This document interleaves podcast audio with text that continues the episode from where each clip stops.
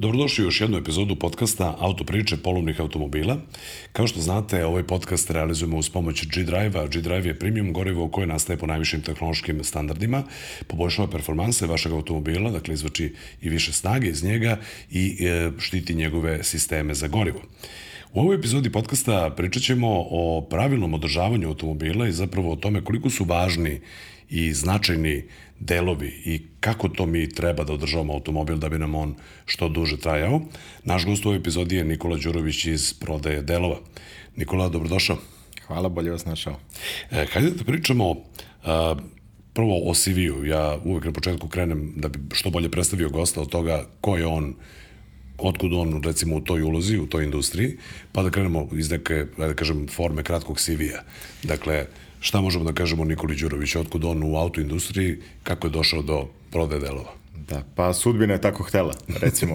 ovaj, e, ja sam završio FON u Beogradu, spremao se za nekakav e, management, ja sam to zamišljao da je potpuno drugačije i onda sam dobio šansu da se zaposlim u firmi Virt koja prodaje alate, šafove, tehničku hemiju i tako nešto što sam ja rado koristio, ali nisam zamišljao ću da se razvijam kao neki mladi menadžer u takvoj firmi, zamišljao sam neke banke, neke velike korporacije, neki Wall Street, neko ludilo tog tipa.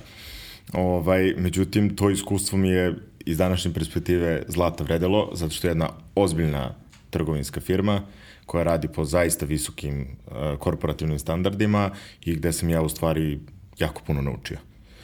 Um, I tu sam negde imao prvi kontakt sa nekim majstorisanjem u tom smislu, da kažemo, iako je to iz trgovinske perspektive. Um, I nakon jednu tri godine rada tamo sam dobio priliku da radim kao menadžer za razvoj tržišta Istočne Evrope, Bliskog Istoka i Afrike za firmu Bosch, jedna mala firma, Bosch, da, nepoznata. ovaj, uh, ali samo za segment uh, automobilskih i kamionskih filtera to je tako usko kad ja sad izgovorim, ali uh, shvatite da, da su tu u pitanju milioni eura, da sad ne prekršim neko pravilo, da ispominju neke cifre, ali ogromna firma, ogromno tržište, ogroman novac u pitanju i tu se negde dodatno približio uh, svetu automobilizma, samoj prodaji, delova i tako dalje.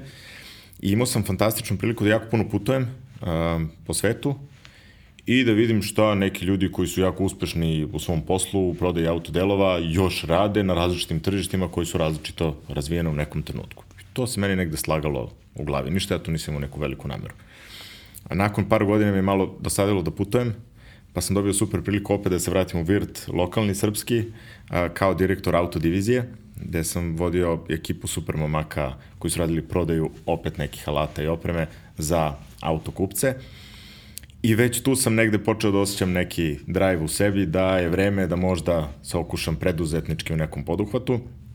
I tad sam krenuo da pišem projekat koji sad se zove prodaja delova RS, tad se zvala neka internet prodavnica, obzirom da sam video da u inostranstvu takve stvari postoje, da kod nas to ništa ne postoji. Dakle, do te ideje da se napravi prodaja delova RS dolazi tako što postoje takve iskustva u svetu i kao, čekaj, zašto ovo ne bi moglo da radi i kod nas? Tako je. I tu je onda krenulo, ajde, ja baš nešto razmišljam da budem preduzetnik, pa hajde da, da se okušam. Da li tu bilo malo oklevanja, šta ako ne da. prođe? Bilo je mnogo oklevanja. Ovaj, mislim da je to jedan prelomni trenutak kada čovjek mora da doživi tačku gde je dovoljno zreo, dovoljno hrabar, da se okuša i da nekako prihvati rizik neuspeha. Moja logika je bila, to mogu stvarno da posavetujem sve, da imam dovoljno malo godina, u tom trenutku ja imam 30 ili 31 godinu, da ne uspem, odnosno imam dovoljno godina da mogu 3, 4, 5 godina da potrošim na ovako neki projekat, da ne uspem i da se negde vratim u neki korporativni svet da sam već sebi dokazao da mogu da uspem i da dođem do nekih dobrih pozicija i da pristojno zarađujem za život. I to je bio moj ključni argument u stvari. Nije bilo da ja nešto ultra ubeđen u ideju, da sam nešto Dakle, bilo je proba jer ako ne bude dobro i ne bude kako se zamislio, da. ima vremena i da. nema problema ako, je, ako sam ipak napravio Tako grešku. Je. Tako je. Dobro, inače postoji mnogo podcasta ovaj, koji promovišu preduzetništvo i to je neću da kažem najskuplja srpska reč ovaj, u poslednjem periodu, ali imamo zaista neke sjajne preduzetničke priče svuda oko nas i nekako je ovo upravo i savet za preduzetnike ne moraju, ne moraju idealno da imaju 30 godina i šansu da, da, da, da. da ovo, ali zapravo se ne uspe iz prve. Ovo je možda je. bilo ovaj, dobita kombinacija, ali probaj, trial and error, što bi rekli, probaj, probaj, probaj, pa naći ćeš nešto što ti odgovara. Tako. Mislim, kao e, dodatne reči ohrabrenja, e, sve ono kako sam ja zamislio da ovaj posao treba da funkcioniše, pa možda 10% je danas onako kako zaista ovaj, to funkcioniše, što sam ja inicijalno zamislio. A sve drugo sam ja u hodu menjao, tako da u stvari, s jedne strane, ja i nisam uspeo u svojoj inicijalnoj ideji, nego sam se jednostavno odvažio, onako, skočio u prazno, pa sam se snalazio usput, a kad vam je teško, onako, brzo se čovjek snađe ovaj, kad mu gori pod nogama. Dobro, možda je ta idealna zamišljena slika bila upravo sa manjkom iskustva, više, yes. postoje iskustvo u industriji, ali iz ugla korporacije. A to šta će sve preduzetnik da na svom putu da sretne, to nekad, nekad se ovaj, menja iz minuta u minut, je li tako? Jeste. Ja nekako mislim da je jako teško postati neki novi Elon Musk, a, izmisliti nešto potpuno novo, potpuno revolucionarno. S druge strane, u Srbiji je prednost mladih preduzetnika to što mi možemo da vidimo kako nešto funkcioniše u inostranstvu i da probamo da primjerimo na srpskom tržištu uz određene modifikacije. I ja se tu u stvari najviše i ulupao u startu. Dakle, ja sam video jako uspešan biznis model ovog tipa u Nemačkoj. I ja sam teo to potpunosti da iskopiram u Srbiji. To u Srbiji ne može da funkcioniše na taj način, ni približno. Na izgled su to dve iste stvari, jel? Online shop u Nemačkoj, online shop u Srbiji, prodaju se delovi, sve to slično funkcioniše. Ali čim se malo zađe u pozdinu, stvari su potpuno drugačije, jer prvo naša država nije na nivou tehnološkog razvoja koliko je Nemačka, pa ekonomija ne, funkcioniše, ne funkcioniše tako, navike kupovine preko interneta su potpuno drugačije, cene, asortiman, logistika, sve je potpuno drugačije, tako da su tu stvari, su se stvari izmišljale od nule. da, dakle, moje sledeće pitanje bilo šta su bili najveći izazovi i evo čuli smo dakle ostalo 10% da kažem od, od originalne ideje upravo zbog toga što je moralo da se prilagodi na više načina, ali ako izuzmemo to da ovde neke stvari ne mogu da funkcionišu zbog toga što prosto nismo ovaj, na tom nivou, pa onda idemo sada posle ekonomski aspekt, ali pored toga šta su bili ti glavni izazovi kad je nastao sajt i kad je počeo biznis, šta je tu bio, ajde da kažem, neki glavni kamen spoticanja? Bilo je par nekih ključnih izazova. Evo spomenut ću neke koje su meni onako ostale u lepom i ružnom sećanju, osjećanja su mi pomešana. Prvi izazov s kojim sam se susreo je bilo poverenje današnjih partnera, tadašnjih samo uh, dobavljača u kompletan biznis model, uh, te svi ljudi s kojima sam ja mislio da ću uspostaviti saradnju nakon prve kafe i nakon inicijalnog dogovora, um, su se ispostavili da su mnogo teški za, za, za, za početak nekakav. Dakle, mislim da je to jedna stara srpska boljka, ovaj, da kad neko hoće da uradi nešto potpuno drugačije, ovaj, prva reakcija je, ma ćeš, kao da sad ti ćeš tu, da ti ćeš da prodaješ auto delove, kod da nikad niko nije prodavao delove u Srbiji. I mislim da smo takvi generalno onako um, genetski postavljeni da smo onako malo nepoverljivi prema nekim inovacijama, da pružamo jedan veliki otpor, ali meni taj otpor a, pružala ekipa ljudi od koje sam ja trebao da nabavljam robu. Ovaj, te sam imao jedan prvi krug razočarenja, Uh, išao sam na 4-5 sastanaka gde su me svi odbili. Niko nije hteo da mi prodaje delove u Srbiji, što za mene znači da u stvari imamo shop koji nema artikle trenutno, što je prilično neupotrebljivo. Ovaj, da bih u stvari onda konceptualno u stvari promenio pristup i objasnio tim ljudima da ja njih ne dovodim ni u kakav rizik, da je ovo promena koja će se desiti, da li ću ja biti taj koji će ovo uraditi ili neko drugi i da je to jedna nova realnost koja mora se uspostavi. Te da bi baš bilo glupo da ne budu deo te realnosti. Moje iskustvo je da kada dvojica, dve firme uh, kažu ok, svi kreću, svi kažu ok.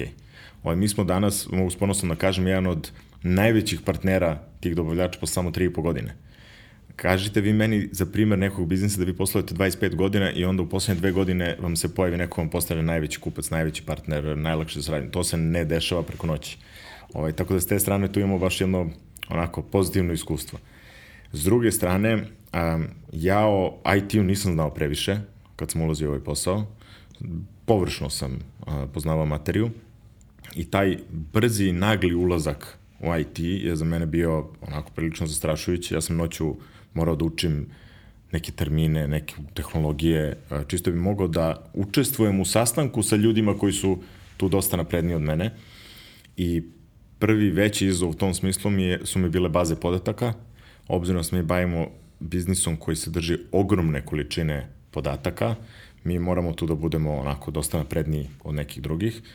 Ja sam mislio da ću ja to sa jednim Excelom i sa par formula um, da posložim i da će čitav biznis da funkcioniše tako.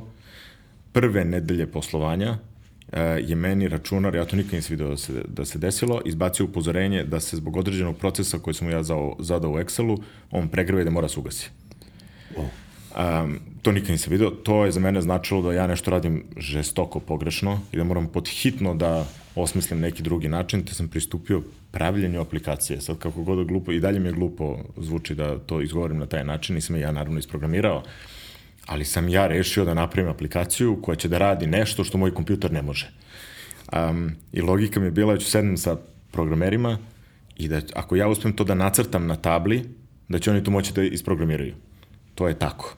Dakle, ovi ljudi koji se ne razumiju IT previše kao i ja, ove, ako možete vizualizujete i da na jednom primjeru to nacrtate na tabli, može i da se isprogramira. Tako da budete hrabri u tom smislu. Eto, to su neka dva veća izazova možda koje su bila od starta tu. Odlično. A, sad dolazi vreme da postavim Stella Artois 00 pitanje. Stella Artois 00 Uh, verujem da znaš već duže vremena postoji na našem tržištu i predstavlja bezbedan način da uživamo u omiljenom ukusu, a da i dalje budemo odgovorni. I Stella Artois 00 pitanje je šta je za tebe uh, bezbedna vožnja, to je bezbednost u vožnji i kako paziš na sebe i druge?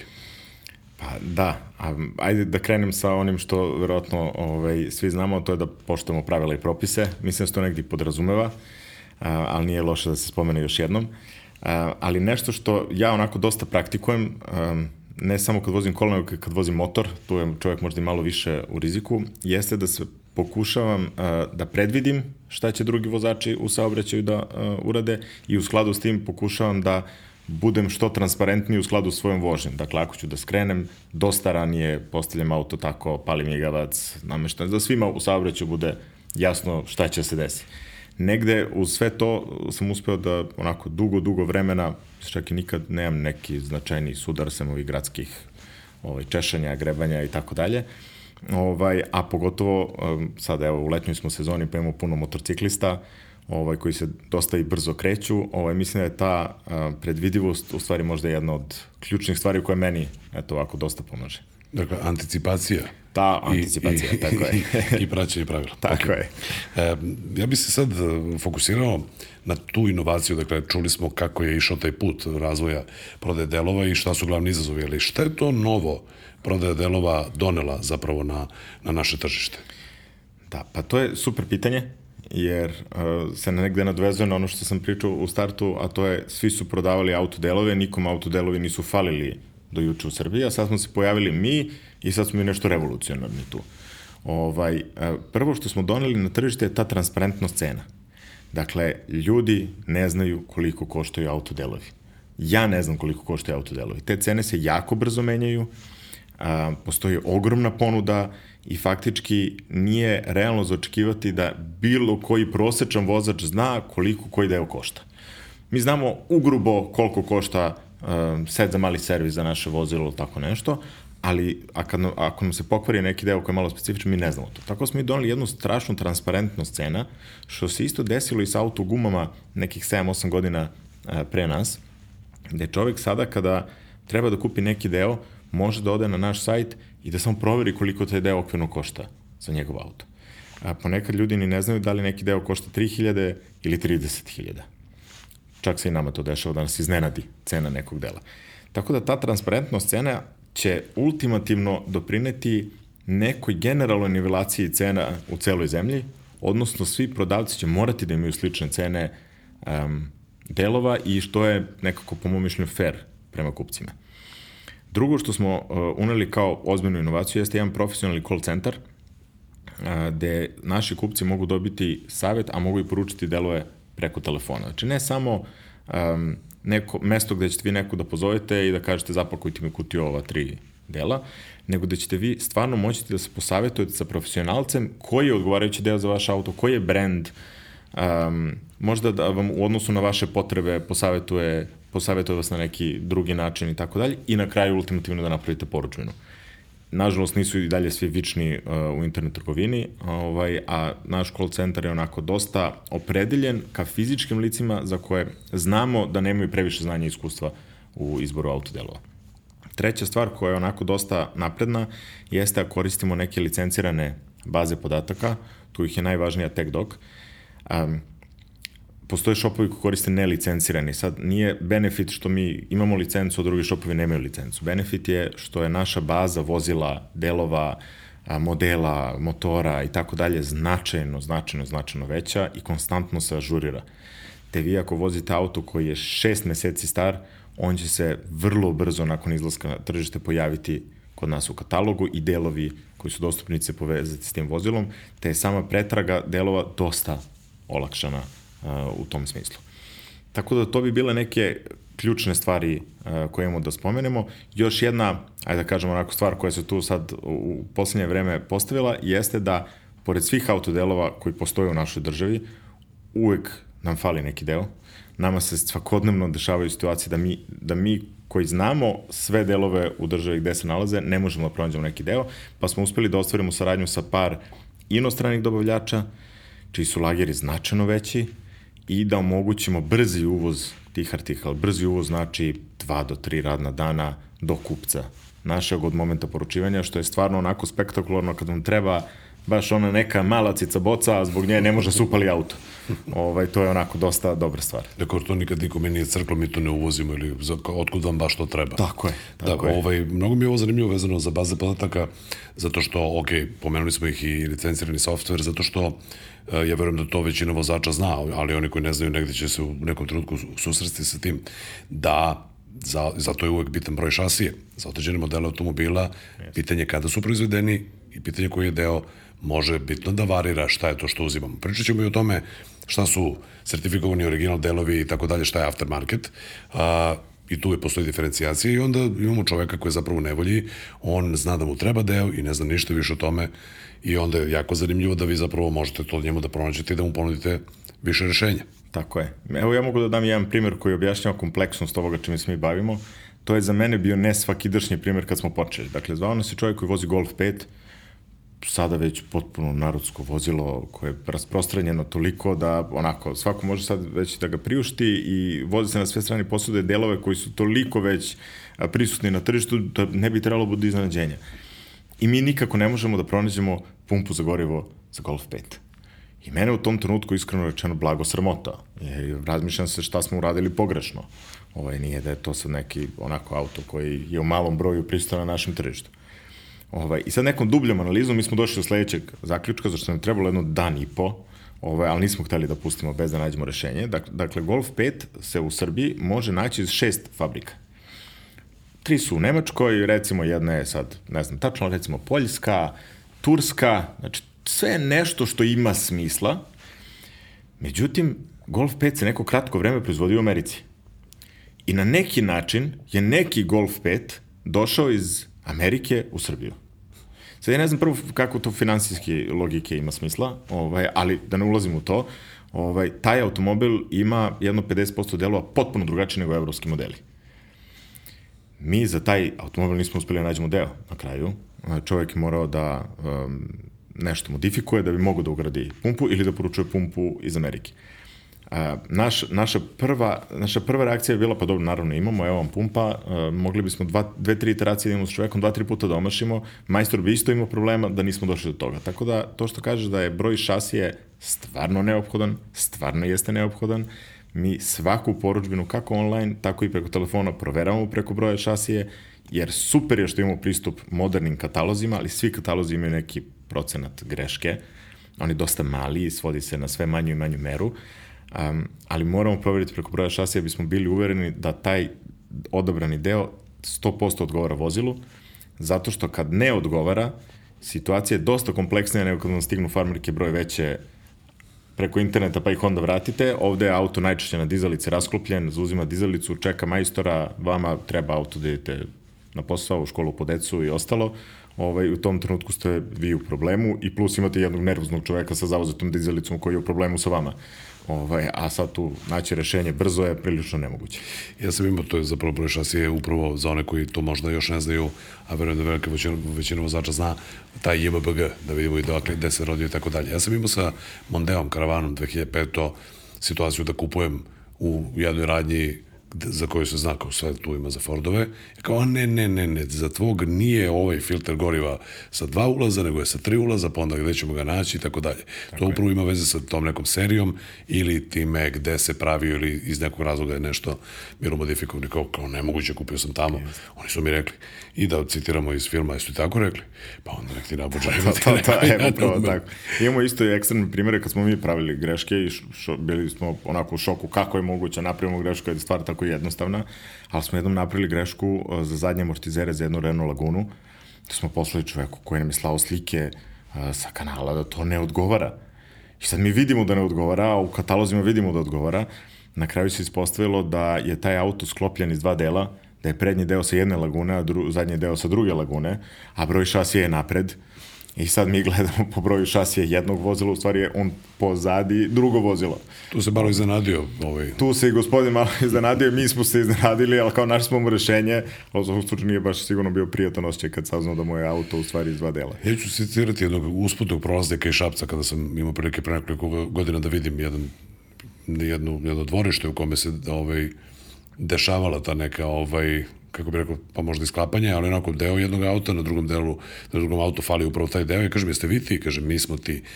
I ja kažem, pa dobro, da nije sramota? Kaže, ne boj se, po varu nikad ne puca. Da, da, da, da, da, var je najčešće uvek, to je istina. ok, Tako je. e sad, pomenuli smo saradnju sa sa uh, prvo i licencirane baze podataka i saradnju sa, sa dobavljačima. Došlo je, tu prvo je bio otpor, pa neko povuko nogu. Sad me interesuje kako je došlo do strateškog partnerstva sa AutoHubom i Inspira grupom i šta to zapravo donosi u budućnosti na naše tržište i generalno i prodaj delova. Saradnja sa Inspirom je došla neočekivano u pravom trenutku. Ne znam kako bi to ovaj, uopšte tačno nazvao. Dakle, mi smo... Kao rešenje za golfa. Da, kao rešenje za golfa, tako je. Ovaj, mi smo pokrenuli prodaju delova uh, u martu 2020. ako ne grešim, a tadašnji Infostud, a sadašnji Inspira, je negde u oktobru, novembru iste godine pokrenula svoj projekat koji se zove AutoHub. I pravo da vam kažem, meni onako uopšte nije bilo sve jedno. Ovaj, po, posle nekih inicijalnih izazova, taman smo uhvatili neki zamah, krenuli smo, uh, prodaja nam je rasla eksponencijalno, tim se širi, sve je super i odjednom se pojavljuje firma koja je onako najozbiljnija IT biznis firma u Srbiji sa znanjem i iskustvom koje posjeduje i finanskim sredstvima ulazi na vrlo jedan lep način, pristojan na to tržište, gde sam ja mislio da ćemo u roku od dva, tri meseca mi da budemo zbrisani ovaj, sa mape proda, prodavaca autodelova u Srbiji. Ulazi taj su u ring. Tako je. ovaj, I u stvari, mislim da nam je to u neku ruku i pomoglo. Ovaj, mi smo tu morali mnogo više da damo gas, još po pitanju nekog razvoja, ovaj, i negde da je onako se postavimo ozbiljno u odnosu na konkurenta koji ima sve preduslove da bude jači onako i bolji.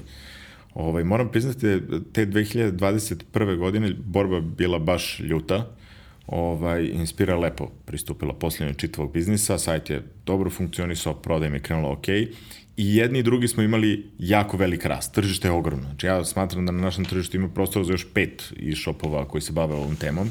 Ovaj, tako da jedni i drugi smo imali puno posla ali nekako bilo bi mi, bilo bi mi lakše da sam bio sam, svakako, ovaj, na tom tržištu. I sad, posle nekih uh, godinu i po dve onako direktnog sučeljavanja, uh, imao sam prilike da se upoznam sa uh, ljudima iz Inspire, gde smo neki kroz, negde kroz zajedničke teme uh, i razgovora prilično smo otvoreno razgovarali o čitavom biznisu, jer iako smo konkurenti, nema razloga da ne možemo popijemo kafu zajedno i mislim da je to baš i lepo i pametno bilo u tom trenutku. Ove, zajedno smo u razgovoru došli do zaključka da u stvari nama kao jednoj mladoj, nedovoljno zreloj ekipi u razvoju IT biznisa a, fali jedan veliki brat da nas podrži u nekim komplikovanim temama koje možda nisu srž biznisa. Dakle, evo, daću primer. Ja kad treba da kupim server, ja stvarno nemam pojma koji server treba da kupim. Mislim, ja sad tu krenem nešto, ali ja to mogu napraviti hiljadu jednu jako skupu grešku. Dok je za Inspiru to svakodnevnica ovaj, kako bih rekao. Ovaj, tako da nama je treba veliki brat kao podrška za razvoj daljeg biznisa, a Inspiri je s druge strane trebao jedan mali preduzetnik u okviru svoje korporacije ko bi napao samu srž teme, a to su autodelovi, trgovina, call centar, baze i tako dalje, znači jedan mnogo uži asortiman poslova a, i gurao to onako dosta brzo. I negde ovaj, sam predlog a, od ljudi koji vode Inspiru je bio da se mi partnerski udružimo a, i da zajedno nastavimo, što se i desilo u maju 2022. godine, a, gde smo u stvari sklopili partnerstvo da od sada radimo kao jedna firma, trenutno imamo dva portala aktivna, prodaje delova i AutoHub. Imaju negde različito ponudu, negde su različito postavljeni, a, ali onako već smo brzo, nakon par meseci tog partnerstva, videli da je to u stvari to odlična odluka, jer smo nastavili da rastemo i da se razvijamo značajno brže nego što bismo u sumi pojedinačno ikada mogli. To zapravo u budućnosti donosi da za kupce koji naručuju delove, ajde da kažem, sveobuhvatniju uslugu. Tako je. Dakle, sad ovaj, bilo je tu raznih komentara kao kako je sad to bolje za kupce kad imamo jednog na tržištu umesto dva. Ovaj, I to je vrlo legitimno pitanje. Ovaj, ali ja mogu da kažem šta se zaista desilo. Dakle, mi smo odjednom od dva mala call centra uspeli da uspostavimo jedan ogroman, što znači da kada zovete, neko će vrlo brzo on se javi na telefon i on je svakim danom sve veći i veći. Drugo, spojili smo baze potaka, tako da je sortiman sada značajno veći nego što je bio. Mi trenutno imamo milion i 400 hiljada autodelova i opreme na sajtu. To je nenormalan broj autodelova i plus na sve to možemo da obezbedimo određene delove iz inostranstva. To je ogromna ponuda. Treće, samim time što smo se spojili, mi smo ukrupnili našu snagu i u stvari dodatno pritisnuli naše dobavljače da nam daju bolje cene, a taj popust preneli na kupce. Tako da su naše cene nakon spajanja bile dodatno spuštene. A, naš biznis model u stvari se bazira na velikom volumenu, a ne na visokim cenama. Tako da nama najveći interes u stvari da puno ljudi dolazi na sajt i puno ljudi kupuje pakete i tako dalje, a mi negde doprinosimo tom tržištu tako što obezbeđujemo dobru uslugu, niske cene i tako dalje i tako dalje. Tako da u stvari se ispostavilo da to za nas u tom trenutku bila jedna od najboljih odluka koje smo mogli da donesemo. A verujem da su i kupci lepo odreagovali zato što ko ne voli nižu cenu. Tako je. Apsolutno. E pa dobro, kako izgleda taj proces naručivanja delova i isporuka do krajnjeg kupca? Uh, pomenuo si malo čas i call center i prethodno i da je posebno orijentisan i za one kojima možda nije online kupovina, prvo ne osjećaju se možda sigurno, nikada ništa nisu kupili online ili jao, sad je treba nešto kartica. Dakle, zato je važno da postoji call centar. Ali kako izgleda taj proces, možemo jednu i drugu uh. -huh. opciju i, i prosto da, da vidimo to vreme isporuke, jer upravo kao što si pomenuo pre par, par minuta, kada nam stane auto, Tad je frka. Bilo bi, bilo bi idealno da proradi odmah, ako može yes. za pet minuta i onda je kako nemam deo, ovaj, treba mi što pre. Kako izgleda ceo taj proces, koliko traje i šta su specifičnosti? Proces je jako jednostavan. Ovaj, naš glavni zadatak je da u stvari jednu komplikovanu temu uprostimo što je više moguće, tako da proces bude kao da poručujete, ne znam, farmerke online, ili klopu. ili klopu, hoćete picu da poručite, kliknete tri dugmeta i dođe vam pizza na kućna vrata. E, otprilike tako, samo morate malko više se angažujete.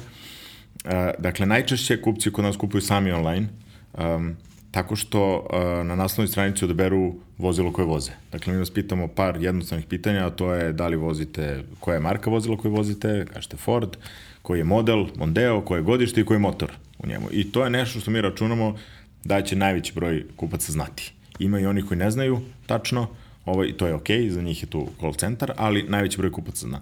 Kada se odabere tačno vozilo uh, koje, uh, za koje tražimo delove, izlaze lista svih kategorija to vozilo. I to je onako, mi smo se sve stvarno trudimo da to objedinimo što je više moguće, ali razumete da jedno vozilo ima oko 12.000 komponenti, sortirati 12.000 bilo čega je mnogo komplikovana stvar. Ovaj, najčešće kupci kod nas kupuju tako neke redovne stvari za servis, pa je to negde i pri vrhu. Um, kada se odabere, na primjer, filter za ulje, prikazuju se samo oni filteri za ulje koji su odgovarajući za odobrani model. Ubacuje se u korpu, kao na bilo kojoj drugoj online prodavnici, vraćam se pa kupujem još neke delove ako mi trebaju ili ako mi ne trebaju, klikćem na korpu, ugucam svoje ime, prezime, adresu, plaćam karticom ili plaćam kešom, kako god, i a, mi paket šaljemo. E sad tu je u stvari jedna stvar gde smo mi onako malo drugačiji od drugih, gde stvarno trudimo da budemo, da zadržimo taj duh preduzetništva, a to je što skoro svi paketi koji se kod nas poruče do nekih dva popodne radnog dana se isporučuju kupcima sutradan. To je ne, neprimereno brza logistika za temu u kojoj se bavimo. Dakle, vi danas kad poručite iz nekog butika neke farmerke, mala verovatnoća da ćemo oni stići sutradan. Mislim, da ne vređam naše kolege koji se bave internet trgovinom, ali najčešće se čeka 2, 3, 4 radna dana, što je okej okay za farmerke, da se razumemo. Ponekad je okej okay za autodelove, ali kad nije, onda je tu drama prilično velika. I zbog toga se mi trudimo da imamo ultra brzu logistiku, koju dodatno ubrzavamo time što smo sa kurirskim službama napravili dogovore da postoje određene pick-up lokacije, Pa sad, na primjer, ako se kod nas poruči nešto u dva popodne i ja živim u Nišu, na primjer, mi čak imamo mogućnost da taj paket dopremimo u 8 ili 9 ujutru u Niš na, na primjer, neku pumpu ili na neku drugu lokaciju gde se unapred dogovorimo s kupcima i tako dalje, da on to može u tom trenutku preuzme i da ode kod majstora ili sam zameni već šta je potrebno. I to je neki najčešći tok. Kada kupci ne žele da koriste sajt, ne znaju da koriste sajt, ne znaju šta voze ili kako god, ovaj, oni nas pozovu telefonom. Call center radi od 8 do 18 svakog dana i subotom i dobiju neku od naših kolega koji stvarno imaju onako puno godina iskustva u prodaju autodelova. Um, ljudi to rade svaki dan po ceo dan. Prilično su stručni u tome. Koristimo najmodernije softvere i kataloge za pretrgu autodelova, tako da imamo pristup uh, znanju koje nije javno dostupno, ovaj, možemo da vidimo sve te specifičnosti koje nam ljudi objašnjavaju i onda kroz jedan set pitanja, jedan kratak razgovor s kupcem, mi u stvari dolazimo do trenutka kad mi njih savjetujemo šta bi trebali da uzmu. Često nas kupci zovu i sa nekim sa nekim rečenicama koji su čuli od majstora pa ih možda ne, ne reprodukuju na pravi način ili su čuli ne znam ni tačno šta to znači ovaj, ili dolaze sa nekim narodnim uh, izrekama, ovaj, ovaj, nekim sinonimima za delove koje ne postoje, ali mi znamo sve to, pa onda ovaj, možemo da im pomognemo. I u stvari naš operator odradi ono što bi kupac sam trebao da odradi preko e-shopa i šaljemo delove. u, toj, da u tom uzimanju anamneze, uh, ovaj, je upravo bitno to iskustvo. Najčešća, najčešći lapsus, odnosno zamena ovaj, imena je vodena pumpa. Jeste. Na primjer, a nije pumpa za vodu. Tako je. Ali veruj mi da bude ono, ja, ma, znate, nešto mi lupa. Tu na problemu on je meni rekao. Da, da, da. Da, da. je to CG Lauf na kataklingeru. E, to, to. Osajke bugna. Uh, šat pleh ovaj, za šus pleh, koji inače već nemačka reč, pa onako da. šat pleh, pa ima sad tu ovaj, još razno raznih. Imamo ovaj, neke smešne, na primjer, mi inače pravimo kolekciju to smešnih izraza. To sam da pitam, da, da, li, da li će da izađe možda jednom neka, pa, da, mogli neka bismo zbirkica? To, mogli bismo to sa tobom da dogovorimo, da či, ti čitaš pa da se smejemo svi zajedno. Ovaj, šta smo imali smo, na primjer, evo baš skoro smo imali, ovaj, čovjek nam diktirao broj šasije i diktira nam i dođe da kaže ono V, latinično V sa crtom na dole koje sad mi, nama ništa nije jasno, čovjek posle 3 minuta nam slika i pošle na Viber ono Y, u stvari. Mi se izlomi smo svi po firmi šta je V sa crtom, onako ne možemo da ukapiramo. Ono V sa crtom na dole. Da, i tu uvijek imamo ono kad se čita broj časa, da li je O ili nula, i tako to je onako, pa ljudi gleda, pa stavljaju naočare, mislim, nama je sve jedno, znamo šta je, ali ovaj, uvek je onako diskutno. Čujete, to zlato možemo da se dogovorimo, pa da bude ovaj, najsmešnije. Kao što su svojevremeno i za pager kompanije bilo je tih ovaj, kolekcija komičnih. E, vrati se kuće, zaboravio si pager i tako te e, stvari. to, to, to. Ili e. toalet papir i to, tako da kamera da i ovde ima zanimljivih stvari. Može. Dobro, i sad pomenuo si malo čas da, da je na sajtu ono što se najčešće naručuje negde pri vrhu. A, što možemo da kažemo su tu bestselleri, dakle najčešće se najverovatno naručuju stvari koje su za mali servis, pretpostavljam. Jeste. Dakle, ima nekih pravila ili nema? Pa ima pravila. Najčešće se preko sajta kupuju delovi koji su vezani za redovno održavanje vozila. Dakle, mali servis, veliki servis, kočnice, nešto vezano za vešanje i tako dalje. To je nešto gde ja unapred mogu da predvidim da meni treba. Bio sam kod majstora, pa mi je rekao da bi uskoro trebao zamenim kočnice. Znam da mi je mali servis za 2000 km ili kako god. Ovo, I onda unapred mogu da se pripremim, malo se igram, malo gledam. Moram da priznam da mi muški onako volimo malo čačkamo, pa ovaj, gledamo šta tu sve ima, pa zašto ovaj amortizar košta tri puta više nego onaj prethodni, pa malo čitamo na internetu i tako dalje. Meni je to super, ja isto to volim da radim. Ovaj, I onda tako čovjek se priprema i kad bude spreman, ovaj, poruči svoje dele. To je najčešće se dešava. A, druga najčešća stvar je da se kupuje ono što je, ja, zašto smo dobili informaciju da je jako skupo, pa sad idem ja na internet da vidim je li to stvarno jako skupo ovaj, ili nije, ili delovi za koje uh, naš majstor ne može nikako da nam nađe ovaj deo, ovaj, to je internet je uvek pravo mesto. To ne samo za auto delove, nego i za druge stvari. Mislim, kad nešto ne možete nađete, najčešće idete na Google pa ga tu tražite i to je to. Ovaj, segment nekih popravki, odnosno kad mi auto stane i sad ne, ne, ne, ne, neće da ide dalje, ovaj, to je negde i dalje rezervisano za majstore I mi tu negdje srađamo s majstorom, prvo mora se uraditi diagnostika. Dakle, ne mogu ja da, da kupim hladnjak samo zato što mi se auto pregreje, jer možda nije hladnjak. Moram da kod majstora ovaj, i onda u tim situacijama ili majstor poruči delove za mene, ili ja poručim delove pa ih majstor ugradi. Sad je tu već uh, na pojedincu uh, odluka. Neki majstori neće da ugrađuju delove koje smo doneli, neki hoće. Ovaj, mislim da je to situacija koja se jako brzo menja ovaj, i to je negde normalno. Mislim da su onako i razvijenije zemlje dosta brzo prošle kroz tu tranziciju. Evo daću primer, uh, u Velikoj Britaniji, na primer, predno desetak godina ovaj, je bila situacija da je neko udruženje mehaničara donelo neku odluku da neće da ugrađuje um, delove koji nisu nabavljeni od strane majstora. U stvari, krilo, šta se krilo iza toga? To je u stvari da su ti majstori zarađivali deo svog novca. Imali su rabat. Da, na, na i od trgovine autodelova, što je okej, okay, potpuno normalno. Ove, ovaj, međutim, kada su videli da je to situacija koja će se desiti, da ljudi i hoće ponekad sami da kupe delove iz nekih drugih razloga ili ih donesu, tako, a majstor nima prilike da ih nabavi uopšte, pa su primorani da ugrade a, te delove, onda su stvari uradili jednu super stvar, a to je digli su cenu svog radnog sata, a delove možete da kupite kod njih ili možete da kupite online. I, I oni su, su stvari... zapravo garantovano zadovoljniji, Tako a je. ovo je slobodno tržište, Tako pa izvoli. Je. I to je nešto i se neminovno desiti u Srbiji. Dakle, nije normalno da majstor uzme, ne znam, 500 ili 1000 dinara za mali servis, zato što se to nikome ne isplati i to je rad koji je podcenjen.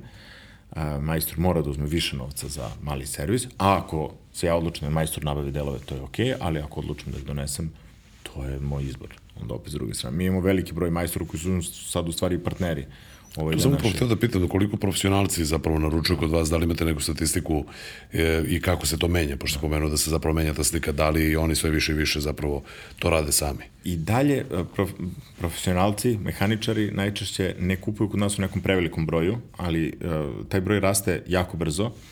E, najčešće kod nas kupuju neki mali majstori, hobi majstori, vikend majstori, komšija majstor i tako dalje. Veliki i ozbiljni servisi imaju svoju službu za nabavku autodelova i to je potpuno normalna stvar. Ovaj, imamo iskustvo da je neki veliki servisi poruče po neki deo kod nas, zato što nigde drug da ne mogu da ga nađu. Ovaj, ali rekao bih da za neko redovnije snabdevanje su to uglavnom manji majstori koji su možda u nekim ruralnim mestima gde je asortiman i ponuda možda manja. Ovaj, mi im s druge strane za sutradan isporučimo sve delove, ovaj, pa sad, ako živite onako 50 km udaljeni od nekog većeg grada, ovaj, mislim da je i očekivanje vozača da sačeka jedan dan za deo sasvim onako umereno. Ok, to je, kad smo pomenuli ovaj, upravo to sa kurijskim službama, to je impresivan podatak, zato što generalno kad kupujemo nešto online, to je najslabija karika, sad se vraćam malo samo korak unazad u, toj, u ovom našem razgovoru, ali da kao, da li će oni to da meni sporuče na vreme, pa kad će da stigne. Uglavnom ljudi znaju da budu, otprilike kurijska služba je onaj krajnji Jeste. kontakt i kao, te ne znam, nimi doneo, izdao nas prati i tako dalje. Kako ste uspeli da napravite tako dobro partnerstvo da to zaista ide tako brzo, pošto ljudima to naravno jako važna stvar, dakle, prosto vreme isporuke. Pa prvo imamo baš dobru saradnju sa kurijskim službama jer smo i veliki klijent i imamo potpuno razumevanje uh, od njih. Ovaj, to je prva stvar. A drugo je što smo mi onako malo izašli u njihov deo posla pa smo razumeli neke probleme s kojima se oni suočavaju.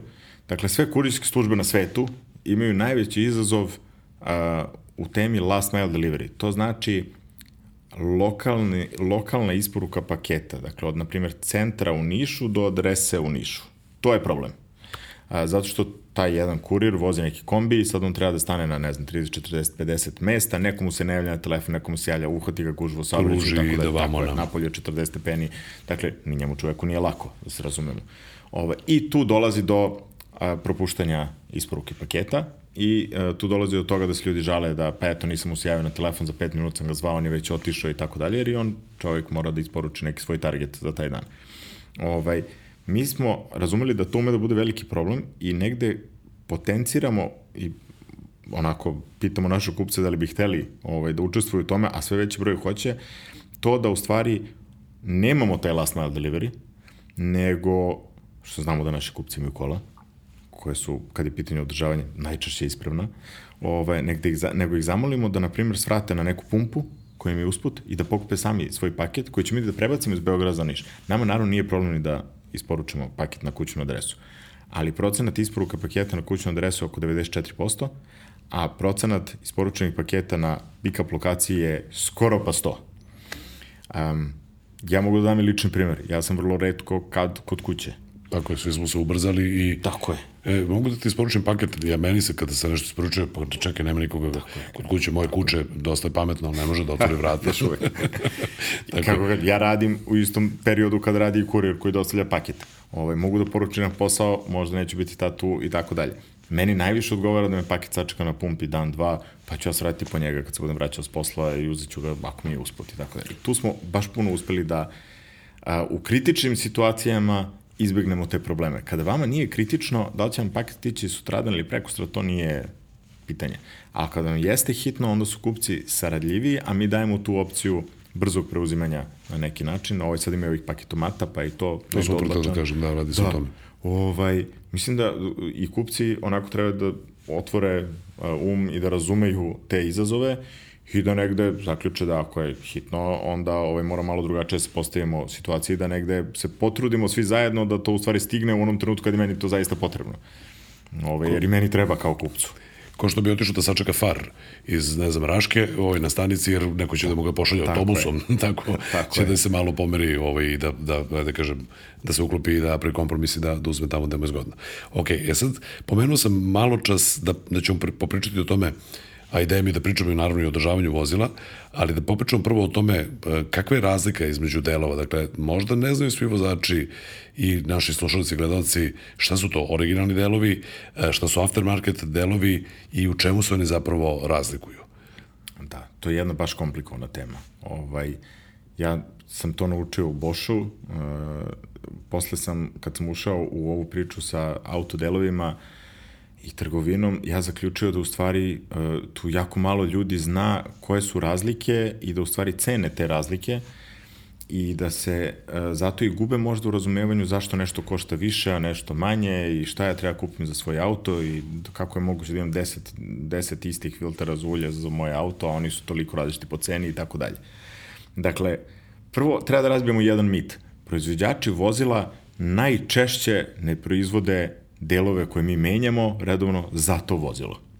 Dakle, ako ja kupim Ford Mondea, Ford nije napravio filter za ulje. Kao što nema Ford, diviziju za to, ne bavi se time, to je posao koji Tako je. nije možda za njih isplativ, ne rade to godinama, nemaju kada ga razvijaju, neće da troše novac na to. Tako je. Ford ima svoje inženjere koji isprojektuju sve što im treba, propišu određene specifikacije određenih uloga um, u vozilu i onda za njih ne krucijalne elemente proizvode drugi. Ford napravi motor, Ford napravi, ne znam, menjač i tako dalje, mada sad i u modernom dobu imamo i da se i to kupuje. Ovaj, ali Ford u stvari projektuje čitavo vozilo i proizvodi krucijalne elemente. Ford isto tako sklapa to vozilo. Ali filter za ulje i ulje, na primjer, 100% ne pravi Ford. Dakle, imamo situaciju da, na primjer, ja koliko znam, Castrol je u saradnji sa Fordom i Castrol pravi svo ulje na kojima piše Ford. Na primjer, to znači da oni fabrički dolaze sa tim uljem. Tako je. Kao što neki drugi dolaze sa nekim drugim. Ali je Ford rekao kakvu specifikaciju ulja želi da ima za svoje vozilo, to i to. Tačno. I to je nekako potpuno normalna stvar. Ti delovi koje Ford na pokretnoj traci dok se auto sklapa, ugrađuju to vozilo i svi ti delovi na kojima piše Ford, to su originalni delovi. Yes? Kad neko kaže stavio hoću original delove, to znači hoću deo na kojem piše Ford, na primjer, ili BMW, ili šta već da piše. A, ti delovi su najskuplji. Ovaj, oni su isto tako u 100% u skladu sa proizvođačom specifikacijom. Ja znam, ali kao što smo rekli, ne pravi Ford, ali ima utisnut znak Forda ili oštapan ili zalepljen. I to je to. To tako je dogovor bio, ovo je ta prva ugradnja. Tako? Yes, tako je. Znači, to su proizvodi koji su 100% ispravni, 100% odgovaraju tom vozilu, tu nema diskusije, ali su oni, nakon što auto izađe iz fabrike i sad, na primjer, pri nekoj naknadnoj zameni, najskuplji, često su preskupi, um, ili da kažem neopravdano skupi, uh, obzirom da uglavnom postoje neke alternative, koje ne moraju uopšte nužno biti lošije po kvalitetu. Dakle, sad imamo tu onaj veliki deo brandinga i marketinga, a to je u stvari da neko ko vozi, na primjer, neko premium vozilo, neće da se uopšte bavi time. Dakle, kupio sam Audi, a hoću delove na kojima piše Audi, to je to. Ne zanima me, time doću da sam 100% siguran bezbedno u svom autu i zdravo. I ovlašćeni servisi ugrađuju takve delove i samim time nam je uvek ovaj servis u ovlašćenom servisu je uvek nešto skuplji ovaj, nekada i više puta, nego servis u neovla, neovlašćenom servisu. Ja sam, izvim što te pregledam, imao, ovaj, mislim da sam to već pomenuo u jednoj od ranih epizoda, ja sam se zbunio svoje vremena kada sam imao jedno prvo, zapravo moje novo vozilo u životu i po isteku garancije, ali dalje održam u ovlašćenom ovaj, servisu, istekla garancija zbog kilometraže, ali ja mm. dalje sam u leasing aranžmanu i mene pozivaju i servise kažu, vama je istekla inače garancija, hoćete original delove ili zamenske. Ja kažem, ja sam se zbunio, kako mislite, mislim, da me ovlašeni servis Just. to pita. Just. I kao, pa ne kao, ovo to je isto, samo nije isto, ali je isto, ali da, da. cena vam je, ja rekao, pa dajte, mislim, original. Dajte bolje. Te, da, dajte da, bolje, to je bila moja logika. Sa šta su oni ugradili pitanje, da. ali zapravo je to glavna razlika.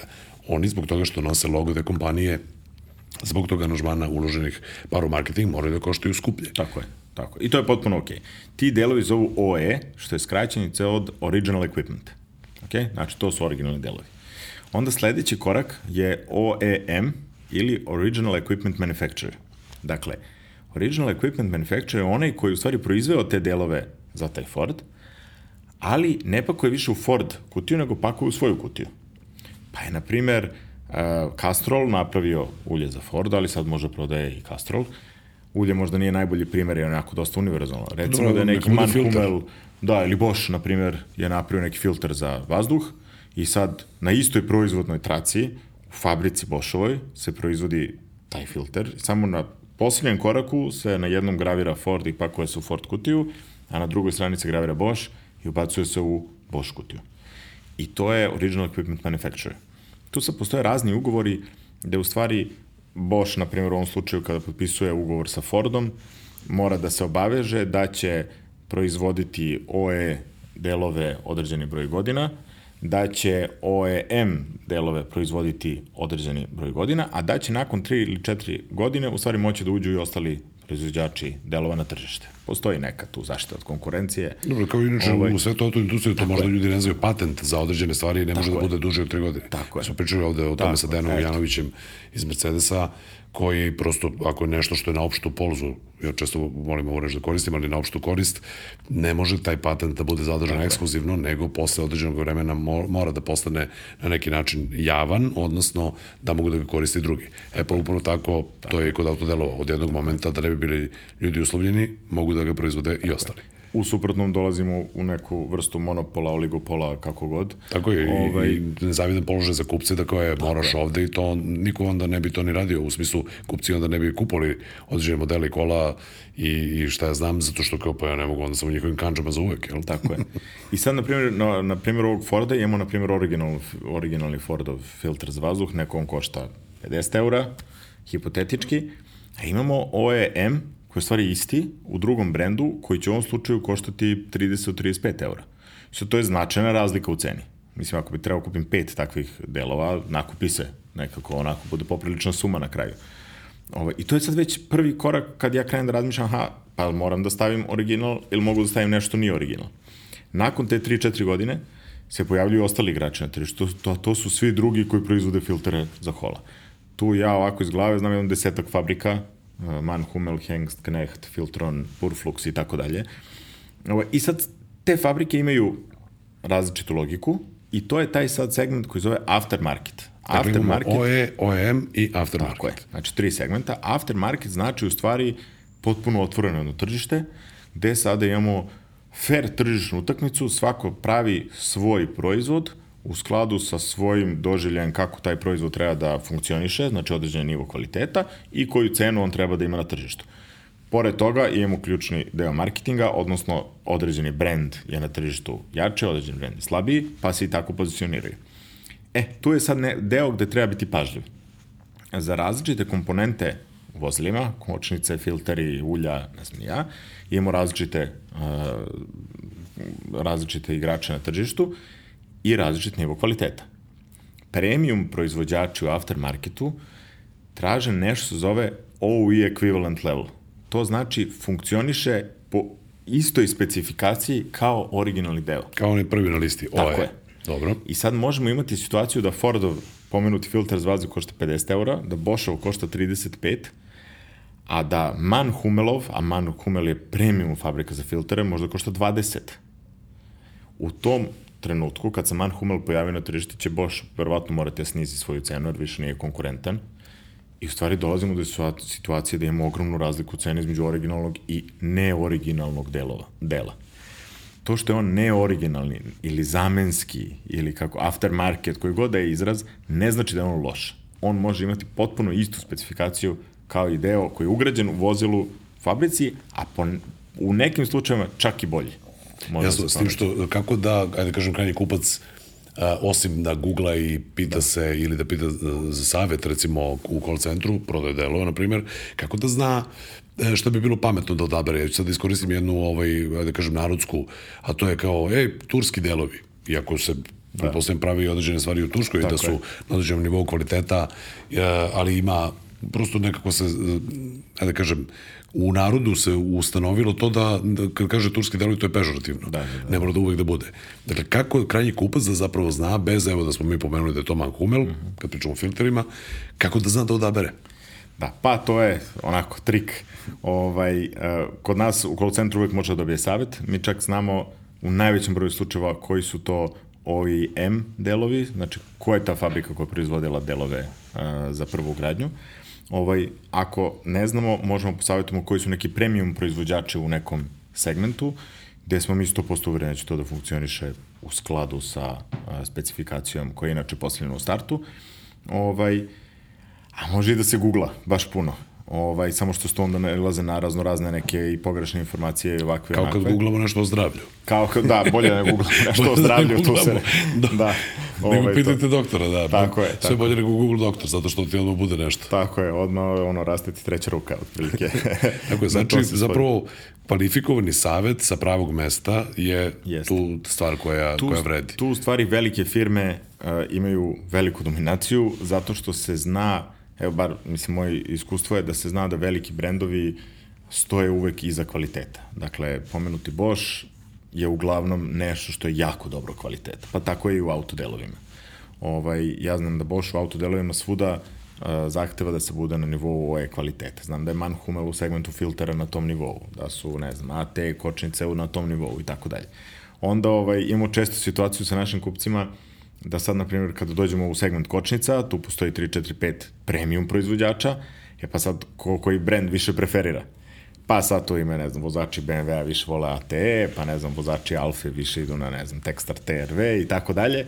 Ove, ali to je sad već stvar lične preference i nekog prethodnog iskustva. Ali u nivou kvaliteta koji je, da kažem, ujednačen. Tako je. Evo, na primjer, mogu da dam jedan primjer koji je, gde je onako dosta često imamo upgrade u odnosu na nešto što je fabrika propisala, a to je kod sem kod premium proizvođača, vozila uglavnom izlaze sa običnim filterom za kabinu, za klimu, kako god uh, ga zovemo.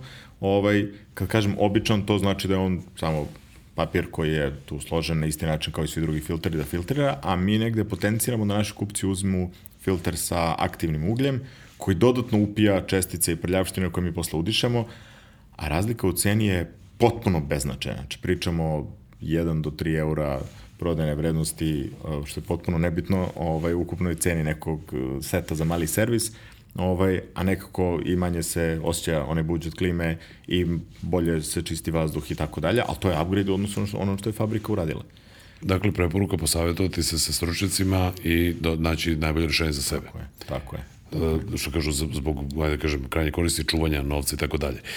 Hajde da pređemo malo na sad ovu priču o održavanju. Dakle, mi smo uh, snimili mini serijal autoznanja o održavanju automobila koji upravo treba da posluži i mladim i vozačima u nastajanju, dakle da znaju šta se kada radi, jer svaki dan neko, neko ovaj, postane jeli, vozača, nije sigurno da možda ima sa kime da se posavetuje.